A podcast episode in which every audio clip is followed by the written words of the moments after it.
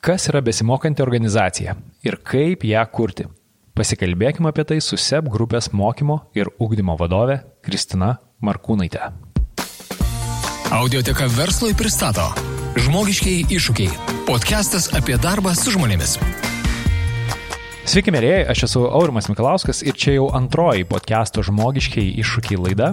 Šiame podcast'e mes kalbam apie darbą su žmonėmis pradedant nuo jų paieškos, atrankos, patirties gerinimo ir baigiant lyderystės įgūdžių ūkdymu.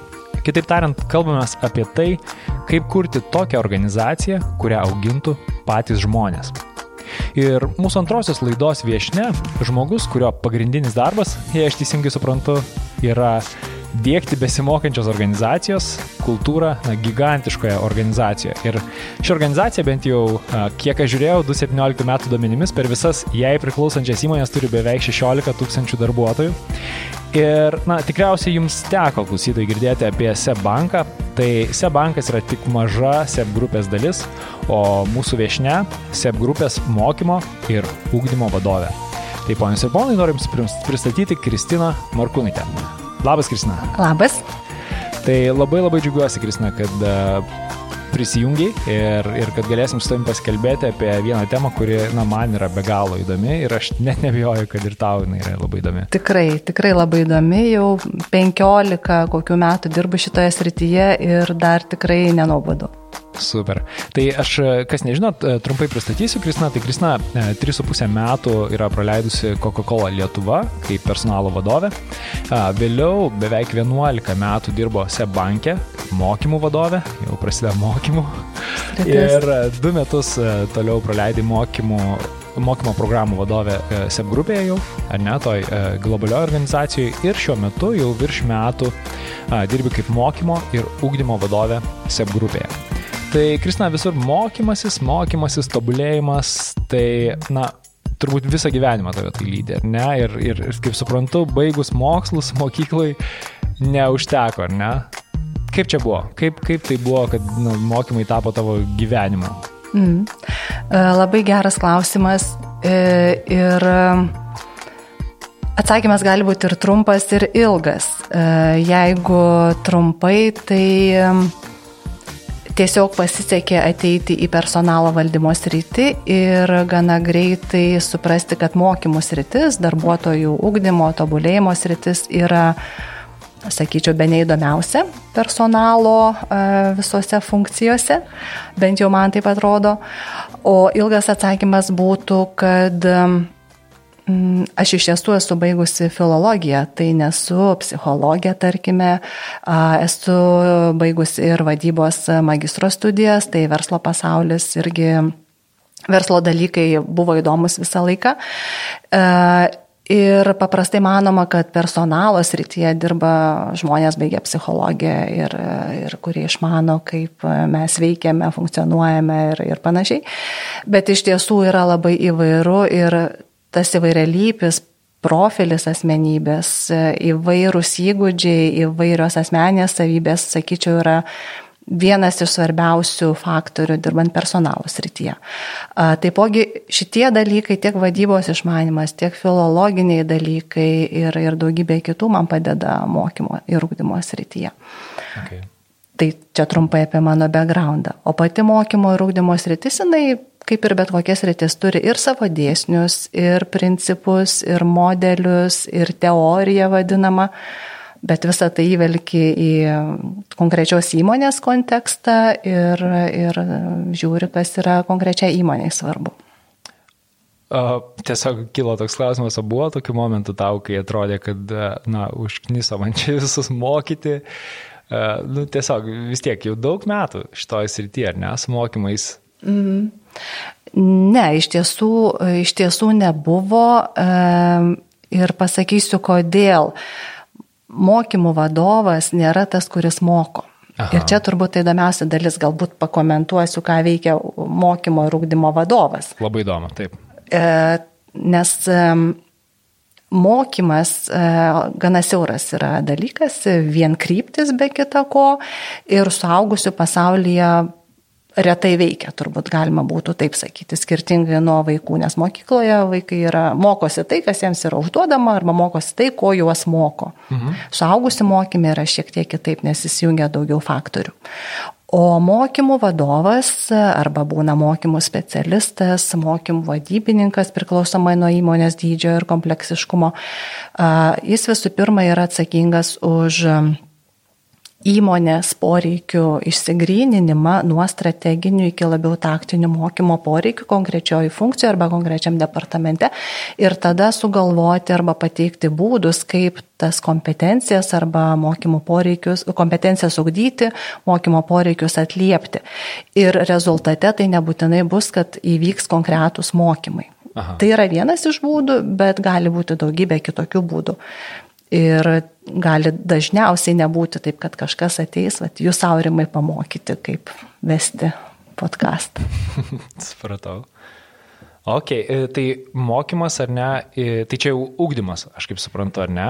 E, mokymas ar... ir ugdymas lietuvių kalboje šiek tiek sunku koką kartais atskirti, nes anglų kalboje training and development pakankamai aiškios tos savokos. Trainingas, kai tave mokina, dažnai tam tikrų praktinių įgūdžių, ugdymas yra daug platesnė uh, sritis, angliškai development yra ir ugdymasis, ir augimas, ir lietuviškai tų pavadinimų irgi, būna visai ir ugdymo, ir ugdymosi, ir augimo, priklausomai nuo konteksto mes skirtingai naudojam. Žodžius. Okay. O tada norėčiau šiek tiek gal tada jau peršokti ir prie tos temos, nes aš atsimenu, e, pradėjau domėtis šiek tiek to koncepto, apie kurį aš tau truputėlį buvau užsiminęs, ar ne, kai mes tik pradėjom e, bendrauti, tai yra besimokanti organizacija, ne, learning organization. Ir e, aš iškart tokį turėjau savo savitą įsivaizdavimą, mm. kas tai galėtų būti ta besimokanti organizacija, bet na, nusprendžiau visgi paguglinti ir paguglinti, nu, pažiūrėsim, ką, tarkim, Harvard Business Review rašo apie besimokančią organizaciją. Ir supratau, kad jie ją mato visiškai kitaip negu aš ją matau ir aš mm. nu, užsirašiau, kad e, tokie kaip jų penki išskirti principai pagrindiniai besimokančios organizacijos. Man jie labai patiko, tik tai tiek, kad tai buvo, sakykim, galbūt, nes aš turbūt labiau kitol tą mokymasi kaip tradicinį, vad kaip tu pasakoji, žinai, įsivaizdavau kaip, na, kaip mokymosi tiesiog procesą, kur tave išmoko tam tikro dalyko, o jie identifikavo tuos penkis pagrindinius principus, tai yra sisteminis problemų sprendimas, e, eksperimentavimas, tuo įdingo mano užrašai, mokymasis iš ankstesnės patirties, mokymasis iš kitų ir žinių perdavimas. Mhm. Ir įdomu man tiesiog, ar tai yra apie ir tai, apie ką mes kalbam, turiu omeny va tą e, organizaciją, kurioje yra ta ūkdymosi kultūra. Mhm. Sutinku tikrai ir manau labai teisingus aspektus e, paminėjai ir išryškinai todėl kad organizacija bet kokia iš esmės yra žmonių grupė. Ir mes bedirbdami vieni su kitais, pereidami skirtingus etapus ir problemas ir, ir projektus ir taip toliau, mes visą laiką vienas iš kitų mokomės.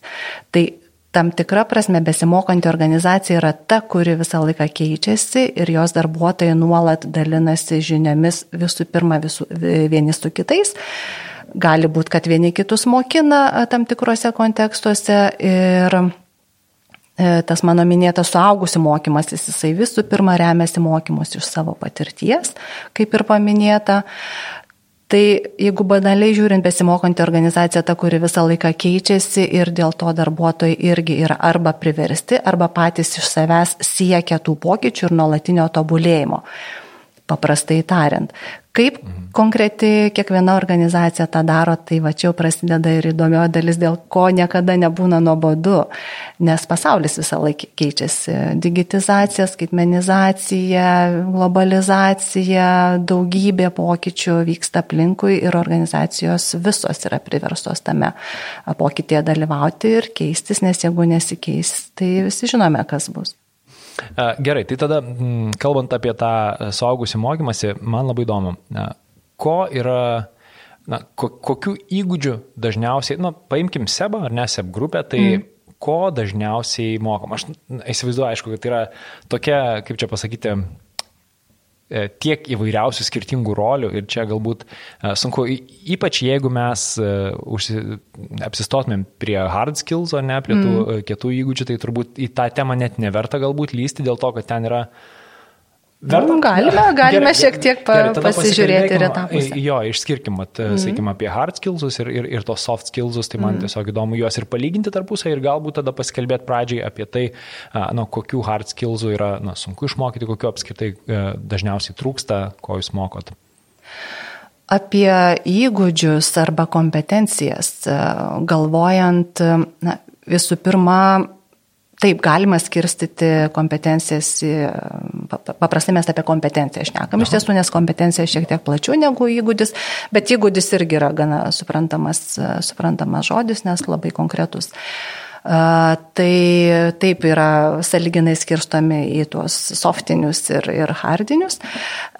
Jeigu jau taip sistemiškiau žiūrėti, tai kompetencijos gali būti profesinės arba techninės tokios, technologinės, tai va čia tie vadinami mhm. hard skillsai, ir gali būti bendrosios vadinamos kompetencijos ir priedo jų tarpe gali būti ir dažniausiai būna arba kartais atskiriama lyderystės kompetencijos kaip atskiras kompetencijų rinkinys, reikalingas vadovams, o bendrosios kompetencijos arba soft skills tai, tai yra bendravimas, bendradarbiavimas, komunikacija, e, komandinio darbo gebė, gebėjimas dirbti komandoje, įtakojimo visi niuansai, įtakojimo kompetencija kuri labai aktuali, kūrybingumas, inovatyvumas ir visi tie dalykai, kurie sunkiau apčiuopiami, sunkiau pamatuojami, jeigu ieškosime pamatavimo arba pademonstravimo tų, tų įgūdžių. Ir jų paletė yra pakankamai plati. Prie soft skills ir pardavimo įgūdžiai yra priskiriami dėrybiniai įgūdžiai. Okay. Nors iš vienos pusės tai tarsi technikos, kurias, tarkime, tu gali paprastai išmokti, bet yra ir labai didelė pusė to žmonių tarpusavio bendravimo ir santykio, kur netaip greitai išmoksi Okay. Bet, bet viskas įmanoma.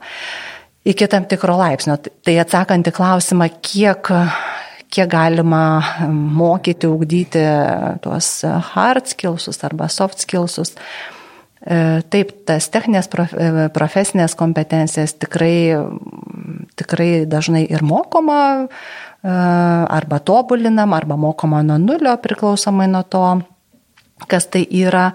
Ir, ir Tai gali būti mm, kažkoks visai techninis dalykas, kaip suprogramuoti, kaip pastatyti, kaip ten gamybos liniją prižiūrėti, kaip užpildyti mhm. kažkokias formas arba dirbti su sistemomis arba panašiai. E, pakankamai paprastai, tarkime, žmogus nemoka, sudarai kažkokį tai mokymosi planą, platformą, suradai gerą būdą, kuris veikia ir jisai mokosi ir išmoksta iki kol pasiekia tam tikrą lygį okay. ir sutvarkyta. Su softiniam truputėlį sudėtingiau, bet visas irgi galima ugdyti iš esmės, tik tais iki tam tikro laipsnio. Ok, tai vad man dėl to, nu, hard skills, tai atrodo, nu, tai tokia, kaip čia pasakyti, sritis, kurie, kuria įmonės visada tikriausiai rūpinosi. Taip. Aišku, galbūt buvo laikas, kai būdavo galima sakyti, kad mes vat ieškom darbuotojų, kurie moka tai ir jau jie tą gerai moka, nes ten turėjo to išmokyti universitetas ar dar uh, kažkokios organizacijos arba patys darbuotojai turėjo pasirūpinti. Bet dabar, vad, sakykim, kad ir prisiminus neseniai vykusią HR konferenciją, kurioje dalyvau, tai na, praktiškai viskas, kalbant apie na, įgūdžių ūkdymą, sukasi apie jau nu, tų lyderystės įgūdžių, apie tų soft skills, bendravimas ir panašiai ūkdymą. Tai vad man įdomu, kiek tam dėmesio skiria, na, sakykime, Sebas ar ne, šiuo atveju kaip organizacija ir kokie iššūkiai. Mm. Iš tiesų visą laiką šitoms rytims buvo skiriamas dėmesys, ypatingai lyderystėje, kaip vadovų segmento ugdymui, mokymui e, tiek SEBE Lietuvoje, tiek SEB Lietuvoje, tiek jeigu paimti globalią SEB grupę, lyderystė ir daugelį kitų įmonių yra vienas iš top. Ir, ir tarkime, jeigu įmonė turėtų rinktis, kokias kompetencijas pirmiausia audytis, tai turbūt drįščiau sakyti, bet kur įmonė sakytų lyderystė ir kažkokie tai tie hard skillsai, kurie reikalingi įmonės veikloje, ar tai būtų finansai, ar gamyba, ar, ar kažkas tai, nes tai yra kertiniai turbūt dalykai. Kita vertus, tos bendrosios kompetencijos, e, jos visą laiką aktualios ir nėra tobulų įmonių, kad žmonės tobulai bendradarbiautų, ar tobulai dirbtų komandoje, ar tobulai prezentuotų, ar tobulai dėrėtųsi su klientais, arba santykiai su klientais palaikytų. Tai tos aktualios visada irgi yra, yra labai svarbios. Kaip įmonės tai ugdo, čia jau priklauso nuo daugelio faktorių ir nuo to, kokia yra situacija, ar jinai prasta, ar jinai mhm. gera, ar jinai vidutinė su tais įgūdžiais, kiek yra darbuotojų, kokie biudžetai, kaip dirba personalas, kaip dirba vadovai. Daug faktorių įtakoja, kaip su tomis softinėmis kompetencijomis bus dirbama. Nes iš vienos pusės galima sakyti, kad visi darbuotojai turi tarkime, mokėti gerai komunikuoti ir prezentuoti. Mhm. Tačiau tada atskyrus tam tikras darbuotojo grupės arba tam tikras pareigybių grupės, vis tiek uh, gaunasi, kad tam tikriems darbuotojams tai reikėtų mokėti geriau, o kitiems gal ir nebūtina, nes niekada organizacija negalės visų darbuotojų mm. išmokyti arba nusiųsti mokymus e, prezentavimo arba ten e, komunikavimo arba komandinio darbo. Jo, tai aš įsivaizduoju, kad labai keičiantis organizacijos dydžiui ar ne mastai, tai labai labai iš tie dalykai atsiskiria. Ir na, mes dar pakalbėsim apie mažas organizacijas ir ką galbūt mažos organizacijos galėtų tą daryti, mes truputėlį vėliau pakalbėsim, bet dabar man įdomiau iš tikrųjų būtų na, sužinoti jau, vat, na, sakykim, konkrečiai didžiulę organizaciją, ne, ko, mm -hmm. kaip daro. Tai vat, vienas jo mm -hmm. iš įdomių aspektų, ką tu paminėjai, tai kad jie jau labai aiškiai atskiria, kad kokių kompetencijų, kokiems žmonėms reikia mokytis. Tas yra, Taip, na, tikrai... vadinasi strateginis kompetencijų planavimas. Yra atskiri procesai, kaip tą padaryti. Okay, tai jau atspirties tašką mes turime ir atspirties tašką gali turėti, surasti bet kokią organizaciją, ar didelė, ar maža. Išsigryninti svarbiausias kompetencijas jiems kaip organizacijai. Okay. E, jo, ir man tada labai įdomu, e, iš tikrųjų tas e, lyderystės vat, įgūdžių ūkdymas, ką, ką, kaip paminėjai, va, būtent, kad vadovai iš to dalyko mokosi, ar ne, sebė ir ką, na, aš pastebiu, sakykim, bendraudamas ypatingai, net nebūtinai su mažom organizacijom, na, sakykim, Uberis, ar ne, yra didžiulė organizacija, bet, na, jų veiklos modelis yra toks, kad jie, kaip save vadina, daug mažų startuolių. Prasme, kad tai yra mažos komandos, kur yra mhm. lyderiai, galbūt jie netgi besikeičiantis lyderiai.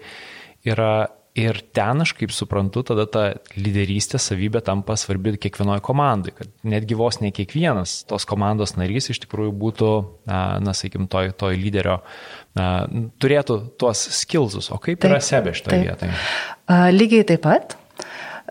Todėl, kad kai mes kalbame apie lyderystę, apie lyderystės įgūdžius, tai nebūtinai reiškia, kad, tai, kad kalbame tik apie vadovus. Mhm. E, ir, ir turbūt girdėjote, yra ir leadership skillsai arba įgūdžiai, yra managerial skillsai. Tai managerial tai tikrai tai, kas susijęs su vadovo kaip vadovo darbu. Okay. Taipogi yra vadinama self-leadership. Tai yra kaip aš, nebūdamas vadovo, neturėdamas mandato formalaus ant pečių, irgi sugebu įtakoti, perteikti savo idėją, sutelkti grupės narius bendram darbui, kažkokiems tai tikslams pasiekti ir taip toliau. Tai ta e, self-leadership, e, ta asmeninė lyderystė, mhm. jinai irgi yra labai labai svarbi ir mes dirbame ir su šita lyderystės dalimi lygiai taip pat. Ir tai yra ne vadovų segmentas. Ok, tai labai įdomu. Tada mes gal galim prie šito ir apsistoti. Tiesiog, okay. nes man asmeniškai tai yra labai labai įdomi sritis ir, mm. ir su kuria aš pats labai daug dirbau. Mm. Ir man įdomu, kaip va tokia organizacija kaip Sebas tada ugdo būtent šitą savybę. Mm. Kokios priemonės e, ir kokie iššūkiai sus... mm. tai bandant išugdyti? Uh, tikrai, tikrai labai plati, um, plati sritis, plati kompetencija, ta prasme, kad uh, didelė organizacija yra daug žmonių, kur tą savybę norime ugdyti.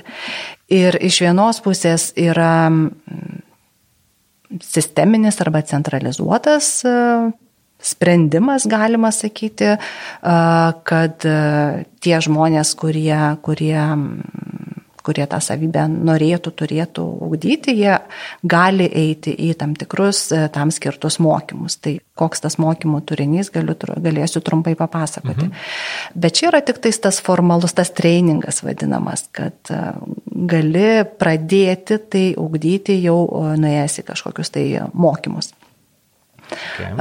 Tačiau, kaip minėjau, daugiausia mes išmokstame vis tiek dirbdami ir, stebė, ir, ir ne tik stebė, daugelis organizacijų žino ir naudoja tą tą 70-20-10 procentų principą, kad 70 procentų visko, ką mes išmokstame darbę, mes išmokstame iš kolegų per klaidas, per bandymus, per, per savo patirties apmąstymą ir tik 10 procentų to išmokimo e, mes atsinešame iš mokymų, iš seminarų, iš kažkokių tai workshopų, dirbtuvių ir panašiai.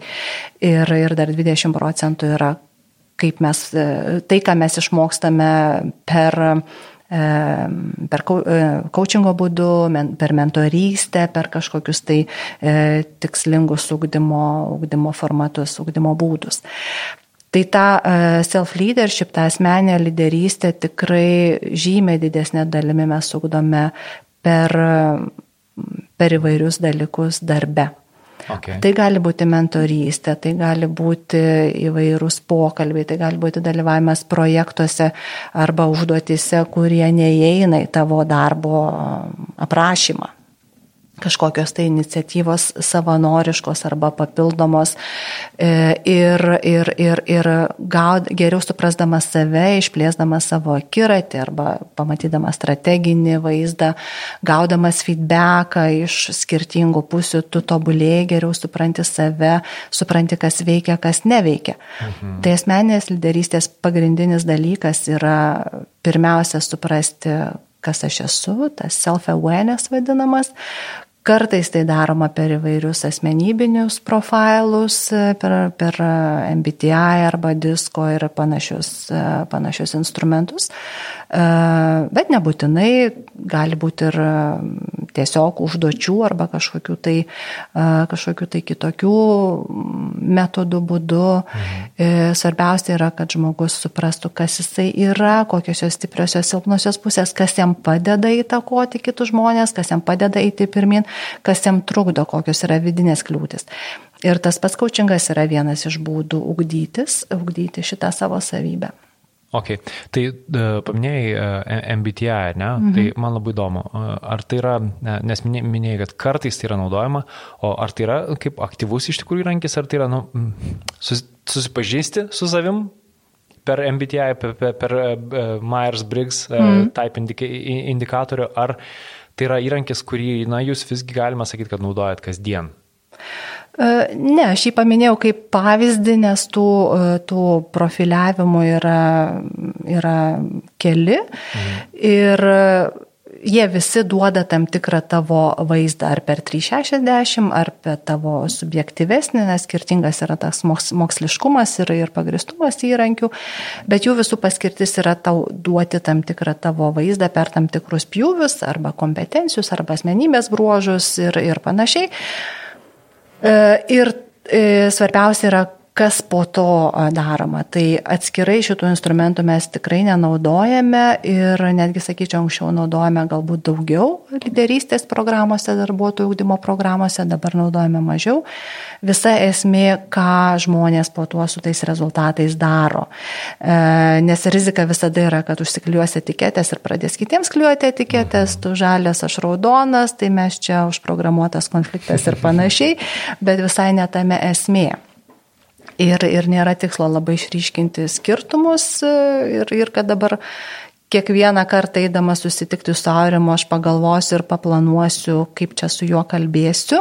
Okay. Tai vienas būdas, kuris, vienas e, dalykas, kurį galima išsinešti iš tų aptarimų, kaip aš, kaip aš bendrausiu, į ką aš atkreipsiu dėmesį bendraudama su tavimi, nes tu esi šiek tiek kitoks negu aš ir tau labiau patinka kiti dalykai. Jo, aš iš tikrųjų dėl, dėl ko klausiu apie tai, nes e, ne per seniausiai, nu dabar jau galiu sakyti, kad turbūt prieš, prieš porą metų skaičiau knygą Reidalio principai, man ta knyga tikrai paliko didelį įspūdį.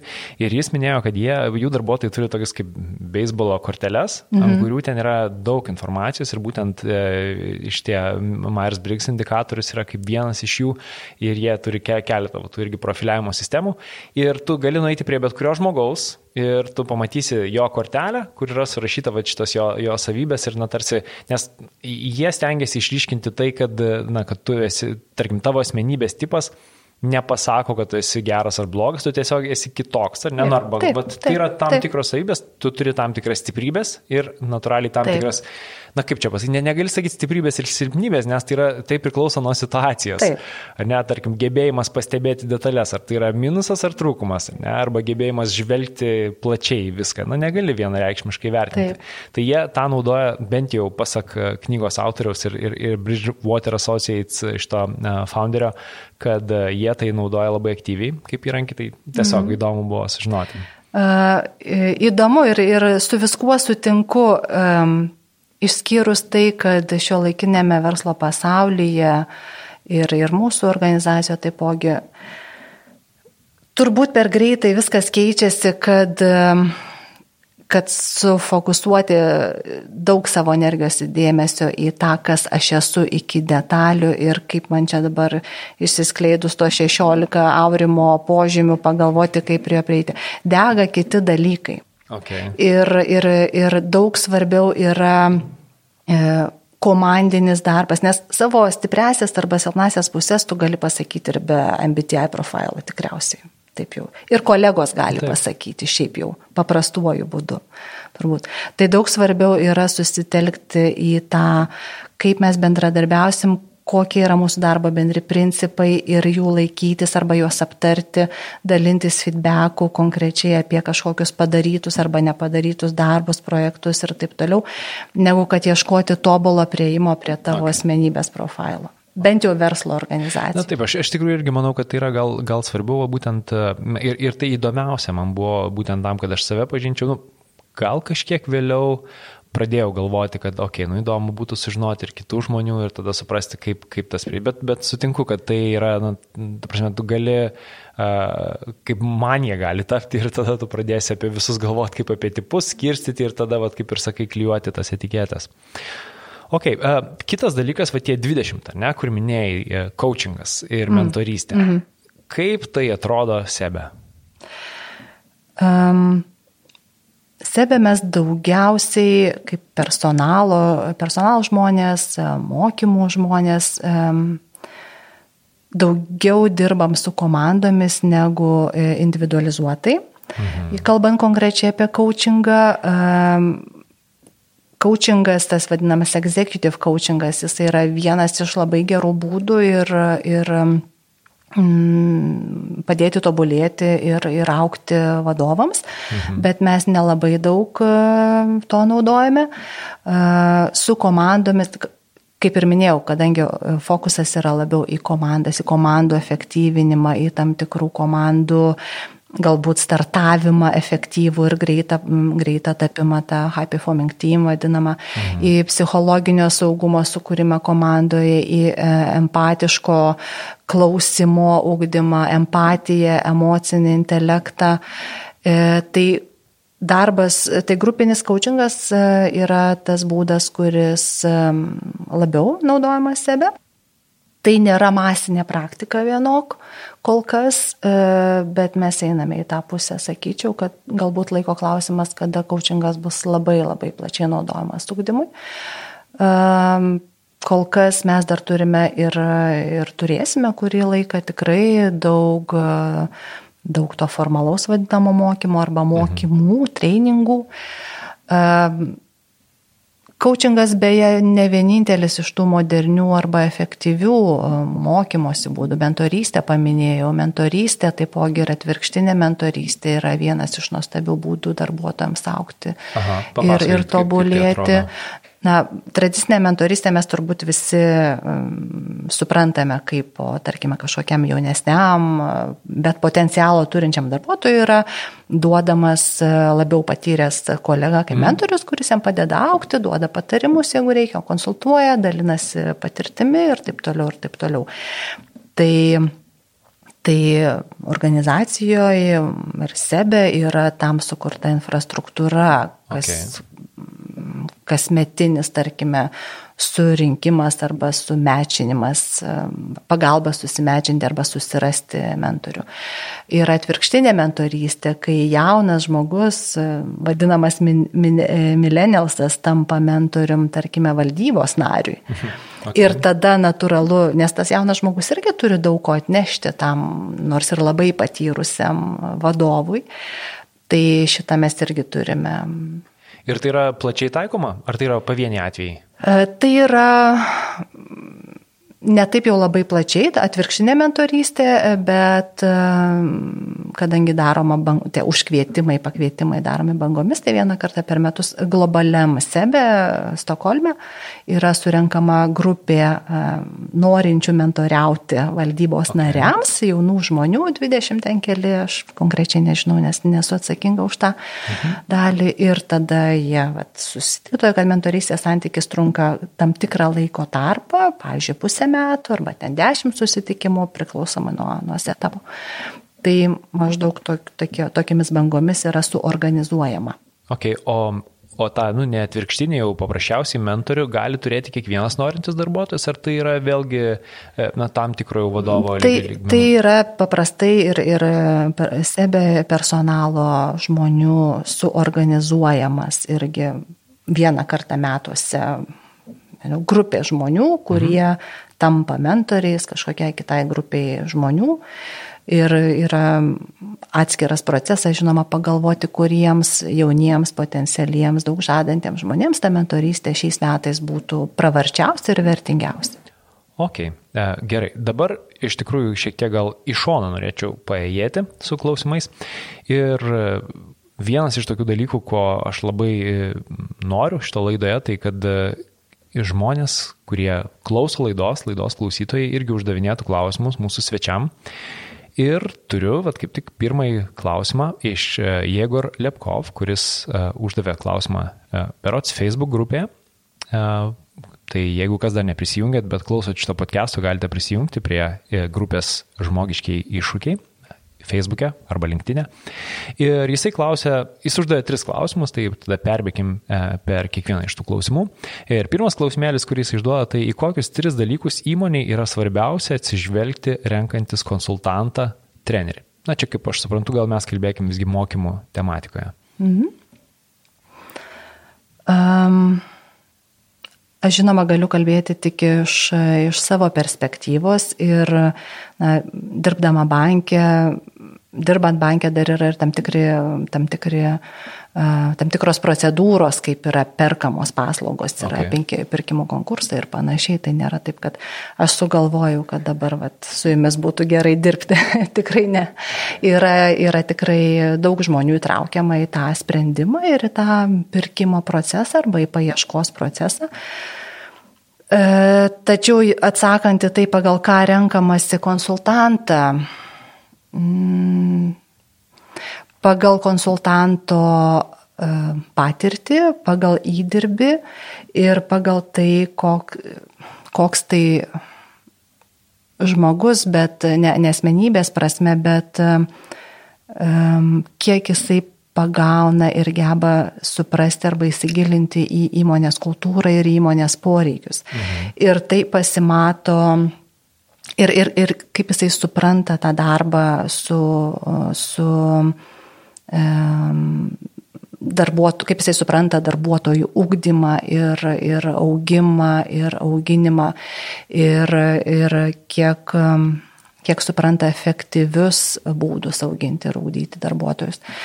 Galiu pateikti pavyzdį, tarkim, aš dabar jau Lietuvos kontekste, konteksto gal ir nelabai galiu cituoti, nes, nes daugiau globaliame dirbu pastaraisiais metais, bet Mes darėme vieną pirkimų konkursą, ieškojame mm, įmonės vadovo mokymams vesti ir mes nenorėjome pirkti mokymų, mhm. kaip po, pavyzdžiui, trijų dienų mokymai vadovams ir po to jie taps stebuklingi ir nuostabus. E, mes aiškiai sakėme, kad to nenorime, kad mes norime pirkti mokymų procesą.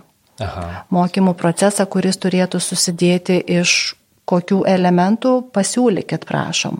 Ir tai buvo globalus konkursas. Mes labai aiškiai norėjome ir paprastai pasakome konsultantams, kur mes esame ir į ką mes norime ugdyti, link ko norime vesti E, tuos mokymų dalyvius ir, ir kai norime ugdymo proceso, mes tikimės, kad konsultantas supras e, ir, ir išmanys ir gal, gebės užtikrinti skirtingus mokymo būdus, įskaitant ir tą patį individualų coachingą kaip mokymo proces, mokymosi proceso dalį, įskaitant ir kažkokias elektroninės platformas ir digital vadinamą learningą, kad mokymosi procese juk e, žmonės mokosi ne tik face to face, yra dalykai, kuriuos galima paskaityti ir pažiūrėti ir tada perskaičius ar pažiūrėjus ateiti į klasę ir tada jau dirbti su tuo turiniu ir negaišti klasės laiko tam turiniui skaityti arba sužinoti. Tai yra vienas iš, vienas iš trendų, kad tai, ką galime atlikti ne klasėje ir darome ne klasėje. O tai tada kur?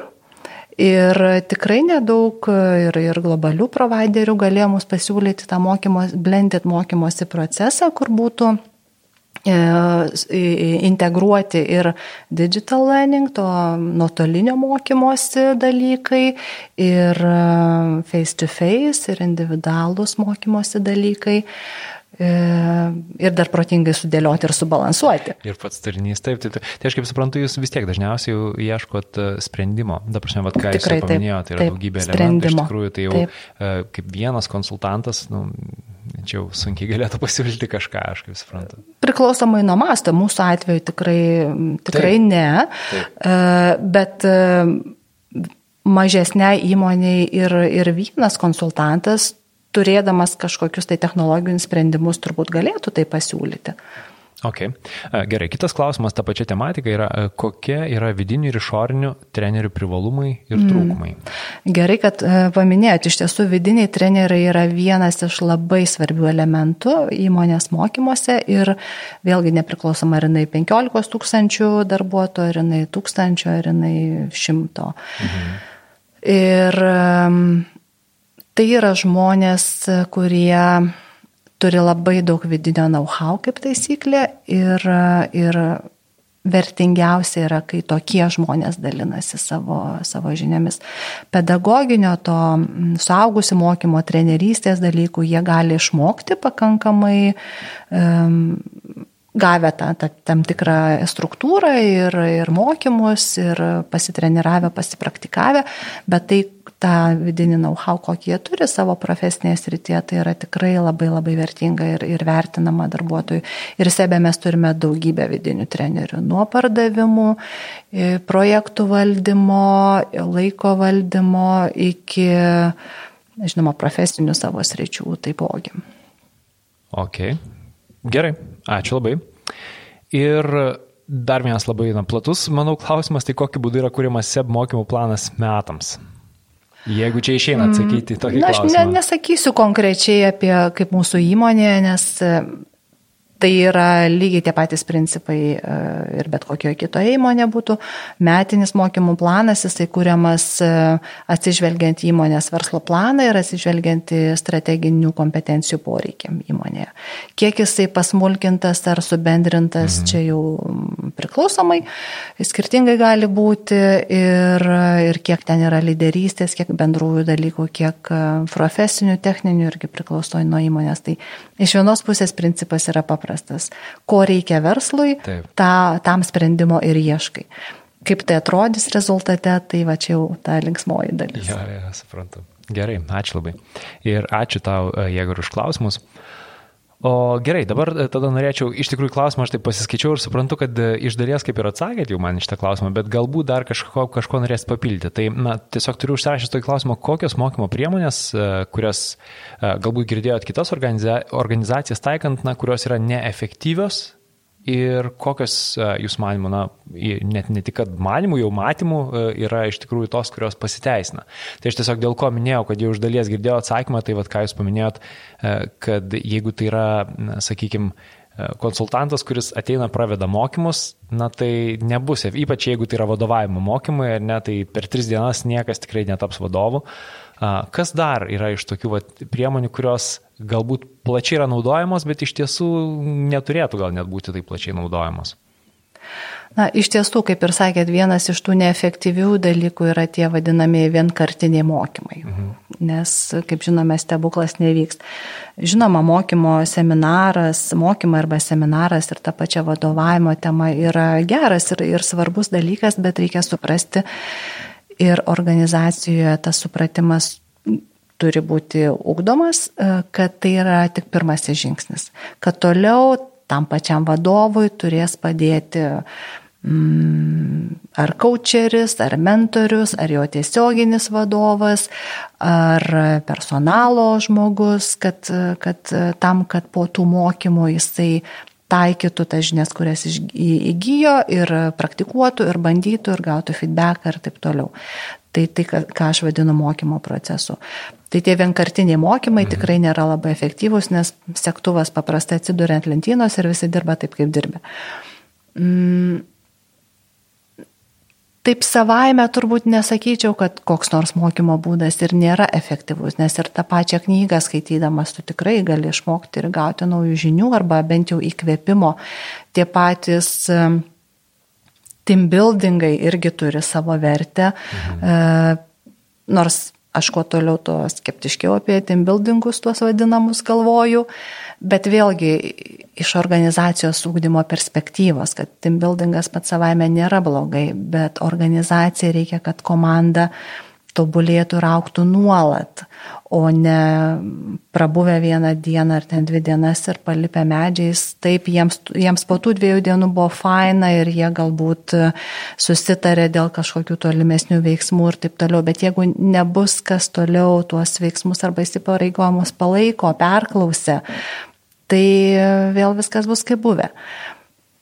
Tai turbūt čia iš principo toks, kad e, daug priemonių yra gerų, bet e, svarbu, kad, e, kad būtų sisteminis požiūris, kad būtų integruoti dalykai ar per blended to mišraus vadinamos mokymosi sprendimą, ar per kažkokią infrastruktūrą, kurią organizacija susikūrė savo nuolatiniam mhm. tobulėjimui ir kas tą infrastruktūrą palaiko.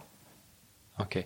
Tai aš taip įsivaizduoju, team buildingas galbūt, e, na, man bent jau kaip skamba dabar, kad tai yra labai geras e, įrankis e, iš tikrųjų komandai susibendrauti geriau, bet tai taip. nėra, vat, kad, kad sakykime, kaip augimo įrankis galbūt. Tai, tai ir duoda vienkartinį tokį įkvėpimą galbūt mhm. arba pasienergizavimą, gerą jausmą, žinoma, būna smagu, e, bet tas e, šleifas ilgai nesitęsia, gal taip galėčiau sakyti. Okay. O dėl pačių mokymus, nu, aš, aš bent jau ką pastebiu iš savo patirties, ar ne, kad didžiausia dalis, na, nuo ko priklauso, kiek aš pasimsiu iš bet ko, ką, nes aš tikrai įvairiausių būdų nuo knygų iki tų pačių mokymų, ar ne, esu bandęs.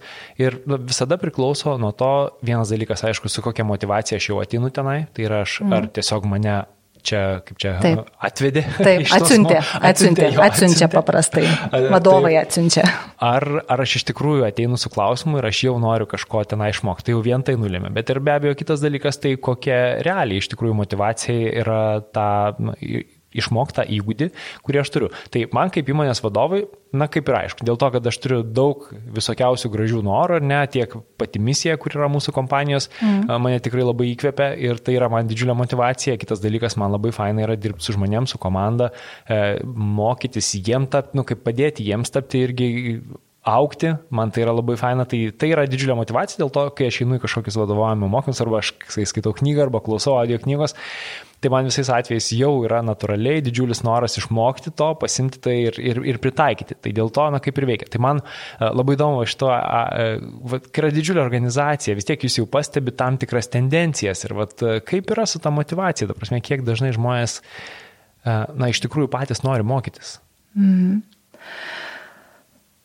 Dažnai, dažnai, um, bet tai čia nepamatuosi iš vienos pusės. Okay. Ir vėl, kaip sakiau, tie mokymai yra labai skirtingi, yra mokymai privalomi, tai privalomus mokymus kaip taisyklė žmonės nebaisiai noriai daro. Mokymų formatas irgi nulėmė šiek tiek motivaciją, nes yra žmonių, kuriems labai patinka onlininiai mokymai ir jie turi valios ir disciplinos ir pakankamai motivacijos patys visą tą kursą praeiti. Žinoma, žmonės labai mėgsta važiuoti į mokymus, ypač jeigu jie kur nors vyksta gražioje vietoje, druskininkose, pavyzdžiui, ir panašiai, nes tiesiog būna faina. Tai Tai darbuotojai ir, ir, ir mūsų darbuotojai tikrai mokytis nori ir, ir mėgsta, ir ieško, ir, ir klausinėja tų įvairiausių būdų. Tikrai negali sakyti, kad nenori. Bet kiekvienas atvejs individualus ir jeigu suskaidyti iki kažkokių tai funkcijų, departamentų, komandos, tai nu, kiekviena komanda komandėlėje jau, jau yra unikalus vienetas su savitų santykiu, su mokymais, su vadovu, kaip jie dirba, ką jie dirba, kiek jie mokosi vieni iš kitų, kiek jie mokosi darbe, kiek jie reflektuoja. Visi mes esame skirtingi vienam ir, ir ta refleksija labai patinka ir gerai sekasi, o kiti bevelytų ir negalvoti, ir kokios čia buvo tos klaidos ir ką kitą kartą galėčiau padaryti kitaip. Tai, na, čia sunku atsakyti. Vienareikšmiškai pradžio kalbėjome apie patyriminį mokymą ir saugusių mokymasi. Paminėjau, mes mokomės kaip suaugę, mes mokomės iš savo patirties. Ir Ir vien tik tai, kad na, turėjau, apturėjau kažkokią tai patirtį, ar ten susirinkime, ar ten projektiniam kokiam, ar susitikime su klientu, e, vien tai savaime netampa, netampa mokymusi, tol kol e, neskiriu nors dviejų, trijų minučių tai patirčiai prasminti. Tai refleksija tam ir, tam ir tarnauja. Ir yra labai svarbus mokymosi įgūdis arba įprotis. Sakyčiau, kad mūsų darbuotojai, mano kolegos tikrai pakankamai samoningi yra refleksijos klausimų. Sustoti, lessons learned angliškai būna vadinama arba arba getting feedback, reflection on feedback, tie dalykai yra labai labai svarbus. Bet jūs turite ir procesą tam būtent, net turiu menį, kad tai yra kaip ir, nu, jau organizacijos kultūrinis įprotis. Taip, taip, taip, tikrai organizacijos kultūroje tas įprotis pareflektuoti yra. Taip. Jo, tai yra, man atrodo, labai labai e, fainas dalykas, ta prasme, turėti tuos jau įpročius, kurie natūraliai labai na, teigiami tuo, kad skatina kaip, kaip, kaip refleksija, ne, būtent, na, tai yra superinis dalykas. Tai va, labai džiugu, džiugu kad, kad tas yra įdomu. Kokiu, kokiu dar? Gal yra kažkas, va, kas, ką prisimintumėt? Na, sakykim, kas nulėmė tai, kad e, galiausiai žmonės žymiai labiau nori mokytis, kodėl na, ta motivacija atsiranda, gal va, kažkokiu irgi yra tokio organizacinio, kultūrinio įpročio. Geras klausimas dėl tų kultūrinių įpročių, nes taip ilgai dirbu šitoje organizacijoje, kad net negaliu palyginti, kaip kitose organizacijose būna. Supratau, ja. Aš be, bendrai paėmus manyčiau, kad, kad mūsų darbuotojai yra tikrai motivuoti mokytis, linkę ieškoti tų būdų, kaip ir sakiau, mhm. ir priema refleksiją kaip normalų mokymus okay. būdą ir neklausia, kodėl čia taip reikia dabar daryti ir kam čia to reikia, einam geriau padirbti bendrai paėmus. Mhm. Ir, ir tų refleksijų yra įvairiais klausimais, tiek kokį gavus darbuotojų įsitraukimo tyrimo rezultatus, tiek e, projektus kažkokius užbaigus, tiek planuojant ateinančius metus, e, retrospektyvą pasidaryti vieną iš būdų, kaip mes čia per šituos metus, kur mes nuėjome, tų tokių į, e, beje, turbūt paminėčiau, kad e, vienas dalykas yra įrankių, kaip tai daryti turėjimas mhm. ir pateikimas organizacijai arba davimas vadovams arba nebūtinai vadovams. Ir tų įrankių, kaip tą daryti, kaip aptarti tą dabartinę situaciją, kaip aptarti probleminę situaciją, kaip padaryti veiklos retrospektyvą, e, kokiu būdu vienas kitam suteikti teigiamą grįžtamą ryšį, neigiamą grįžtamą ryšį. Mes visą tą turime susidėję tam tikrus vadinamus įrankius arba būdus, kur tu arba pasiemi iš onlininės platformos, pasižiūri video, kaip tai darom, arba mhm. pasiemi papirinę instrukciją ir nešiesi į ten savo komandos kokį nors pasitarimą, pasiruoši ir nešiesi ir pravedi tą pratimą.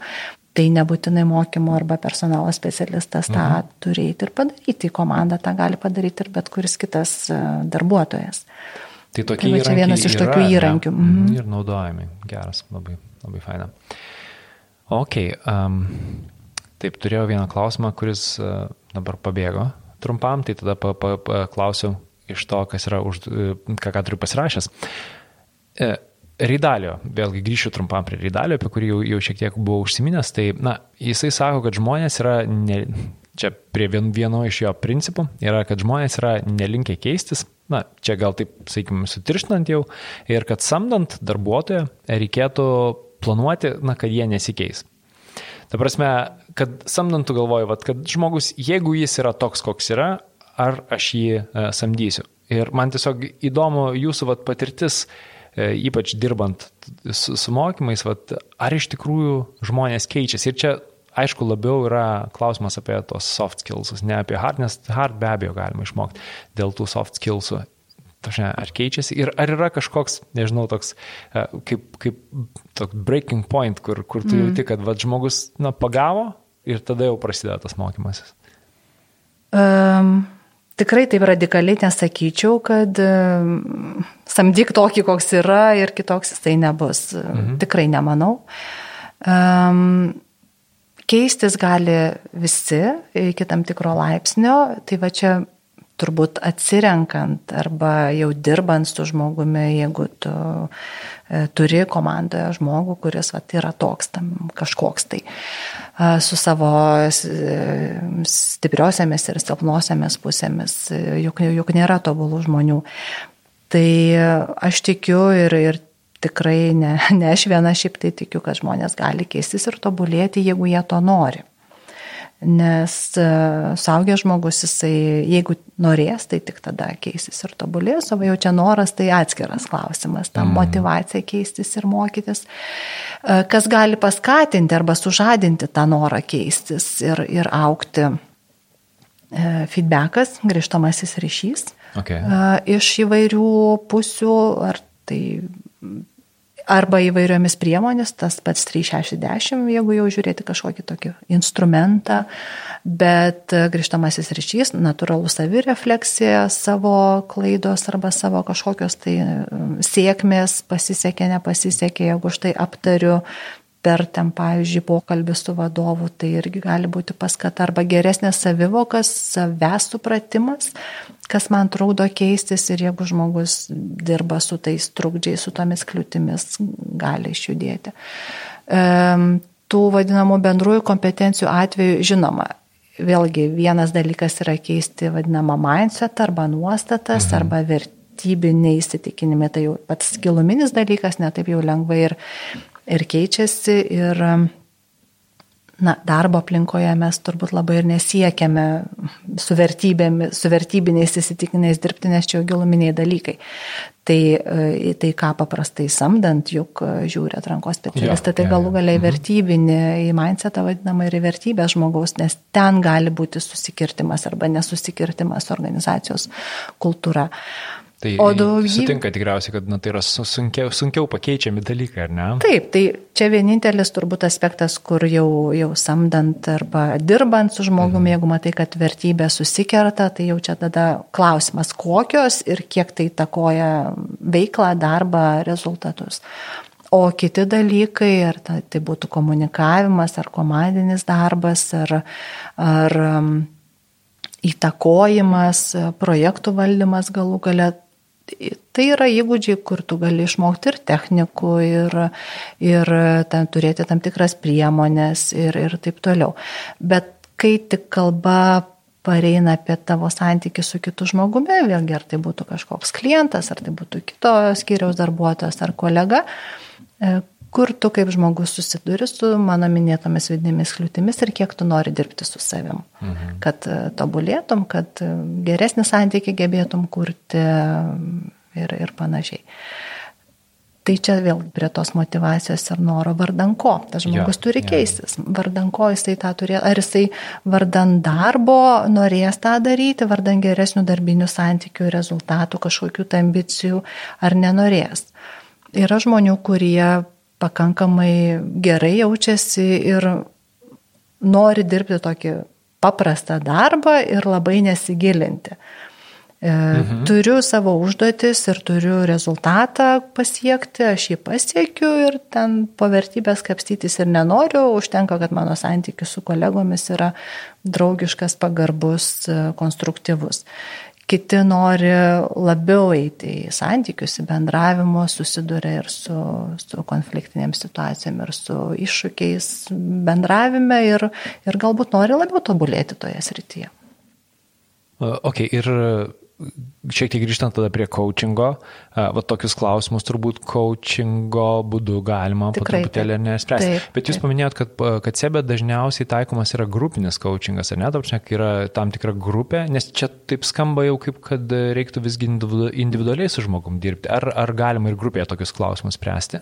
Ne, tie dalykai tai daugiau individualiam ligmenį, ar coachingo, ar pokalbių su vadovu, tarkime, ar, ar su personalo žmogumi ligmenį kai aš minėjau darbą su grupėmis arba su komandomis, e, tikrai Sebas yra didelė organizacija ir mes norime efektyvių komandų. Mhm.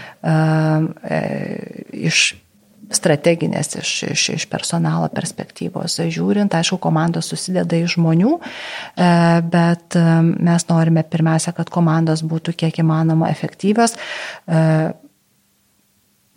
iš tų žmonių, kurie toje komandoje yra. Mhm. Ir dėl to mes pirmiausia siekiame, kad komandos nariai, kaip minėjau, ir mokėtų vienas su kitu greitai sukurti psichologinį saugumą, kad galėtų atvirai kalbėti, atvirai dalintis mintimis, idėjomis, nenutilėti kažkokios tai savo nuomonės. E, mes norime, kad komandos, jeigu tai yra tik startuojanti komanda, kad kaip įmanoma greičiau pasiektų efektyvumą, jeigu jie yra kažkokio pokyčio arba transformacijos arba konflikto stadijoje, mes tada uh, dirbame su komanda, kad jinai greičiau pereitų tą pokytį arba tą um, santykių aiškinimosi periodą, jeigu čia pagal komandos vystimosi stadiją žiūrėti į tą vadinamą ketvirtą stadiją High Performance Team. Mhm. Tai Tai mes iš personalo funkcijos daugiau dirbame su komandomis. Coachingas yra vienas iš būdų tą daryti, arba su grupe, arba su komanda. Yra ir kitų būdų, kaip tą komandą auginti, bet esmė tame, kad būdų yra. Supratau. Ir mes okay. kaip vidiniai treneriai arba kaip vidiniai resursai tada dirbame su tomis komandomis, kurias labiausiai reikia paremti, paauginti. Gerai. Na ką, mūsų laida po truputėlį jau eina į pabaigą. Ir uh, aš dar, kaip minėjau, užduosim vieną klausimą. Tai uh, tiesiog tas klausimas, uh, mes jį galėsim atsakyti truputėlį vėliau po trumpos reklaminės pauzės, bet klausimėlis, kurį noriu užduoti, tai yra būtent apie tai, ką maža kompanija galėtų padaryti. Prasme, ar tai iš viso jai yra aktualu ir kokie yra tie pirmieji žingsniai, kuriuos galėtų žengti maža organizacija. Ir apie tai mes pasikalbėsim po trumpos reklaminės pertraukėlės. Podcastą pristato Audioteka verslui. Nuolatinio tobulėjimo kultūra jūsų organizacijoje. Dauguma įmonių ir Lietuvoje šiandien jau kalba apie tobulėjimo svarbą. Na, ne tik profesinio, bet ir asmeninio tobulėjimo, nes būtent augantis žmogus yra motivuotas, įsitraukęs, žino, kaip svarbu turėti tikslus, na, kaip jų siekti ir mato visame tame prasme. Ir knygos yra superinė tobulėjimo priemonė, bet na, šiais laikais tikrai ne visi randa laiko knygai ir kur kas dažniau tos knygos tiesiog renka dulkes įmonių bibliotekose ar pas jų darbuotojus. Ir audio knyga čia yra tikras išsigelbėjimas, kadangi audio knygos gali klausyti bet kur. Na, pakeliu į darbą, tarp sustikimų, sportuodamas, vedžiodamas šunį, na ir daugybė kitų situacijų, kur tiesiog nėra galimybės sekti tekstą akimis ir vartyti puslapius. Ir, na, jeigu dar netradot audio knygos kaip tobulėjimo priemonės, tai kviečiu apsilankyti adresu audioteka.verslui.lt, kur galėsit sužinoti, kaip audio knygos gali tapti nuolatinio tobulėjimo įrankiu jūsų organizacijoje ir, aišku, jūsų pačių gyvenime. audioteka.verslui.lt. Kristina, O ką Jūs galvojate apie na, knygą kaip mokymosi priemonę? Aš šiek tiek jau buvot užsiminę, uh, užsiminsiu, kad na, tikrai tai yra gera, na, kaip viena iš, sakykime, mokymo priemonių, kuri veikia, jeigu iš tikrųjų to naudojasi, ar ne? Tikrai taip. Ir knyga yra puikus dalykas, įkvėpimo šaltinis, kažkokių tai gerųjų praktikų, pavyzdžių pasisemti tikrai. Aš irgi skaitau labai daug knygų, no, profesinių tikrai. Iš jų mokausi, esmė yra, ką paimsi ir pritaikysi. Ir kaip pritaikysi. Ir čia galima eiti eksperimentavimo keliu arba galima eiti tokiu nu, atrank, atrankiniu galbūt keliu, nežinau ar teisingai, teisingą žodį parinkau, bet kai tikrai apgalvoji um, kuo šitas pavyzdys arba pacituota situacija arba priemonė kažkokia tai iš knygos, kuo tai, kaip tai yra susijęs su mano mhm. kontekstu, su mano darbu ir kokį elementą aš galėčiau paimti ir panaudoti, kad jis atneštų vertę. Jau, jau gali numanyti, ar jis atneš vertę, ne, ne taip, kad perskaičiau knygą ir dabar šią savaitę paeksperimentuosiu, ai, nepavyko, tai tiek to. Tai daugiau vėl apie tai, kaip pritaikysi tą, ką tau knyga duoda. Jo, jo nes aš, aš pamenu labai seniai prieš, prieš turbūt devynis metus skaičiau knygą Good to Great Jim Collinso kuomet aš neturėjau verslo ir dar nelabai verslas rūpėjo, bet tiesiog buvo, tai yra viena iš to, tų kompanijų, kur aš tuo metu dar dirbau, na viena iš rekomenduojamų knygų ir pasiskaičiau. Ir dabar po vat, 9 metų pertraukos aš vėl tą knygą atsiverčiu ir aš suprantu, kad aš visiškai kitus dalykus matau, mm. dėl to, mhm. kad aš labai turiu aišku klausimą dabar. Iš tikrųjų man tai aktualu, o tuo metu aš tiesiog skaičiau, galvoju, nu, kaip ir fainai parašyta knyga. Tai va čia vienas iš tų svarbiųjų dalykų, e, vėlgi saugusi mokymosi, kad uh, Ir kalbant apie motivaciją, kad žmogus, darbuotojas, ateidamas į mokymus turi žinoti, kur jisai tai panaudos ir kuo jam tai vertinga, reikalinga darbe. Jeigu jisai to tikslo ir to iškumo, aiškios sąsajos neturi, jie mokymai bus gal ir faini, mm. bet vertės iš to jokios nebus. Ir mes čia galim kalbėti ir apie pardavimo mokymus, ir apie lyderystės mokymus. Jeigu jisai nemato ryšio ir vertės, ką jam pasimti ir pritaikyti, ir ką tai jam duos geriau, rezultatyviau ir, ir taip toliau, tai tada mokymasis ir nevyks. Super, super. O tiesa, audio knygų klausai ar ne? Klausau, Klausau, jo. paskutinę klausiau Mišelės Obamos A, įgarsintą iš Audible. Geras, nu super. Gerai, tai tada prieikim prie paskutinio klausimo. Gali atsakyti tą klausimą? Apie mažas įmonės, ar ne? Įmonės. Turėjau laiko pagalvoti. Iš tiesų galiu tik labai subjektyviai, nes niekada mažoje įmonėje nesu dirbusi. O, kaip įdomu. Tai... Aš esu dirbęs tik mažose įmonėse. Geras. Tai jau mano, mano ta patirtis profesinė labai susijusi su didelėmis įmonėmis ir su dideliais mastais. Um, bet apie mažą įmonę, pavyzdžiui, penkių žmonių mhm. galvodama ir bandydama įsivaizduoti situacija, na, apskritai turbūt personalo klausimais vienas dalykas ir mokymo, mokymosi tobulėjimo klausimais e, dar kita perspektyva. Sakyčiau, labai priklauso nuo to, kokia tai įmonė ar kokie žmonės yra. Nes vienas kelias būtų eiti to individualizuoto mokymosi keliu.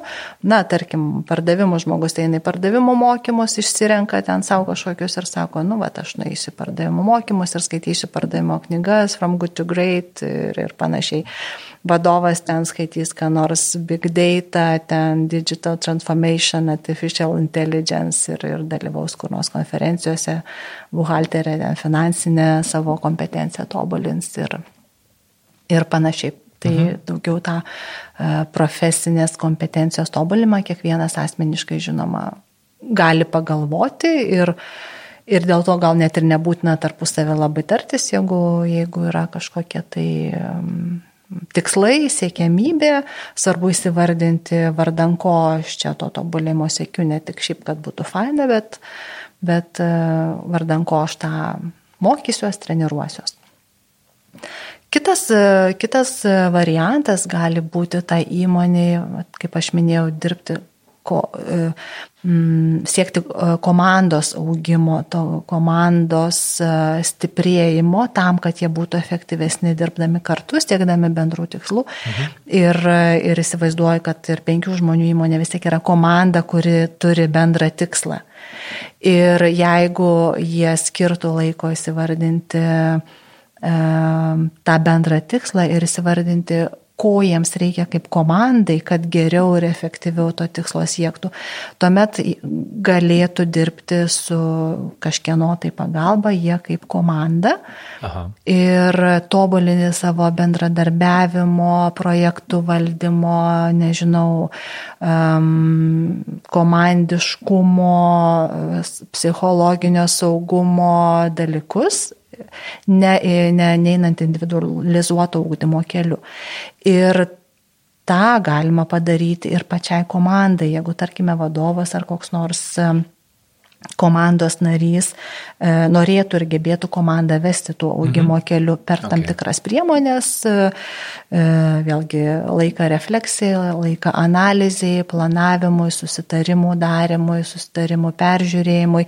Tam reikalinga pakankamai didelė komandos narių branda ir atvirumas kad jie galėtų iškelti tą dramblį, kalbėti apie tą dramblį kambarį, jeigu yra dramblys mhm. kažkoks tai, nes jeigu nebus atvirumo, tai tada nieko nevyks. Ta galima daryti ir su išorinio resurso, pavyzdžiui, konsultanto arba kaučerio pagalba, jeigu pati komanda to negalėtų padaryti.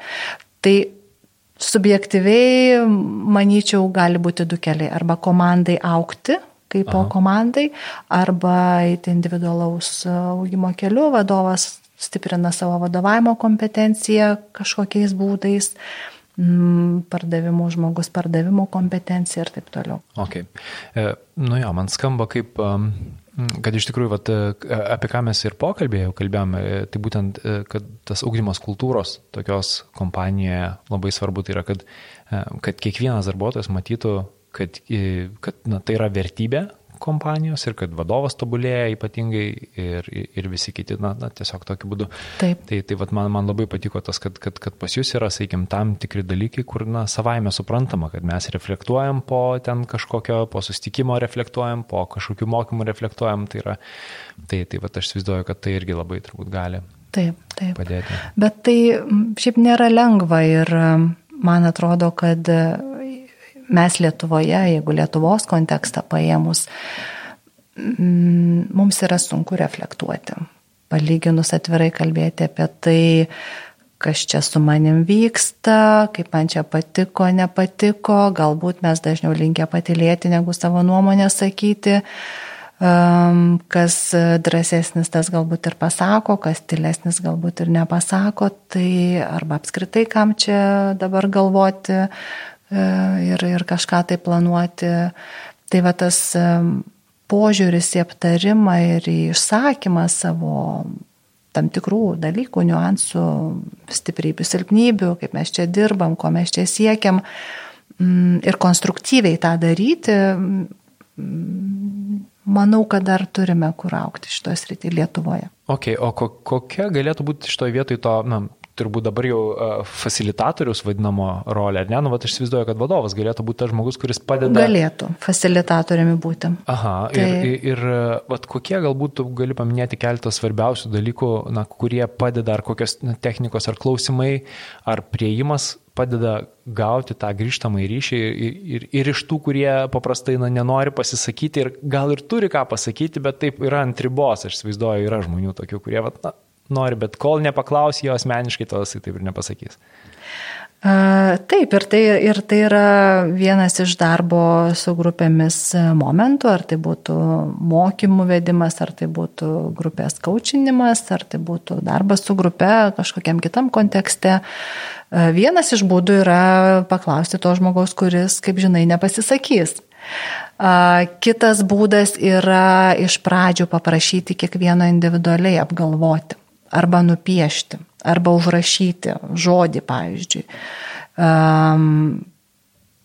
Kaip aš galvoju apie mūsų komandos darbą šiandieną ir galime paprašyti piešti. Uh, Bet ką, ne, ne, ne, ne, tų dailės sugebėjimų, piešimo sugebėjimų niekas neprašo, bet tiesiog asociatyviniu būdu nupiešti.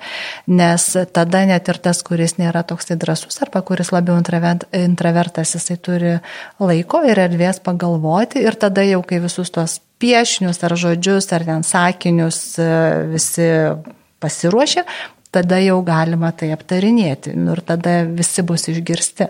Tai čia labai svarbus yra facilitatoriaus vaidmo užtikrinti, kad surasti būdų, kaip įtraukti visus grupės narius į tą pačią refleksiją, diskusiją, į darbą bendrą. Super, gerai. Ačiū labai. Tai ačiū, ačiū Kristina, kad apsilankėt laidoje ir ačiū visiems klausytojams, kad, kad klausėt mūsų. Tai primenu tiesiog, kad galite prisijungti prie Facebook arba LinkedIn grupės žmogiškiai iššūkiai, kur galėsite na, susipažinti su laidos svečiais, sužinoti, kas apsilankys laidose ir netgi užduoti jiems klausimus.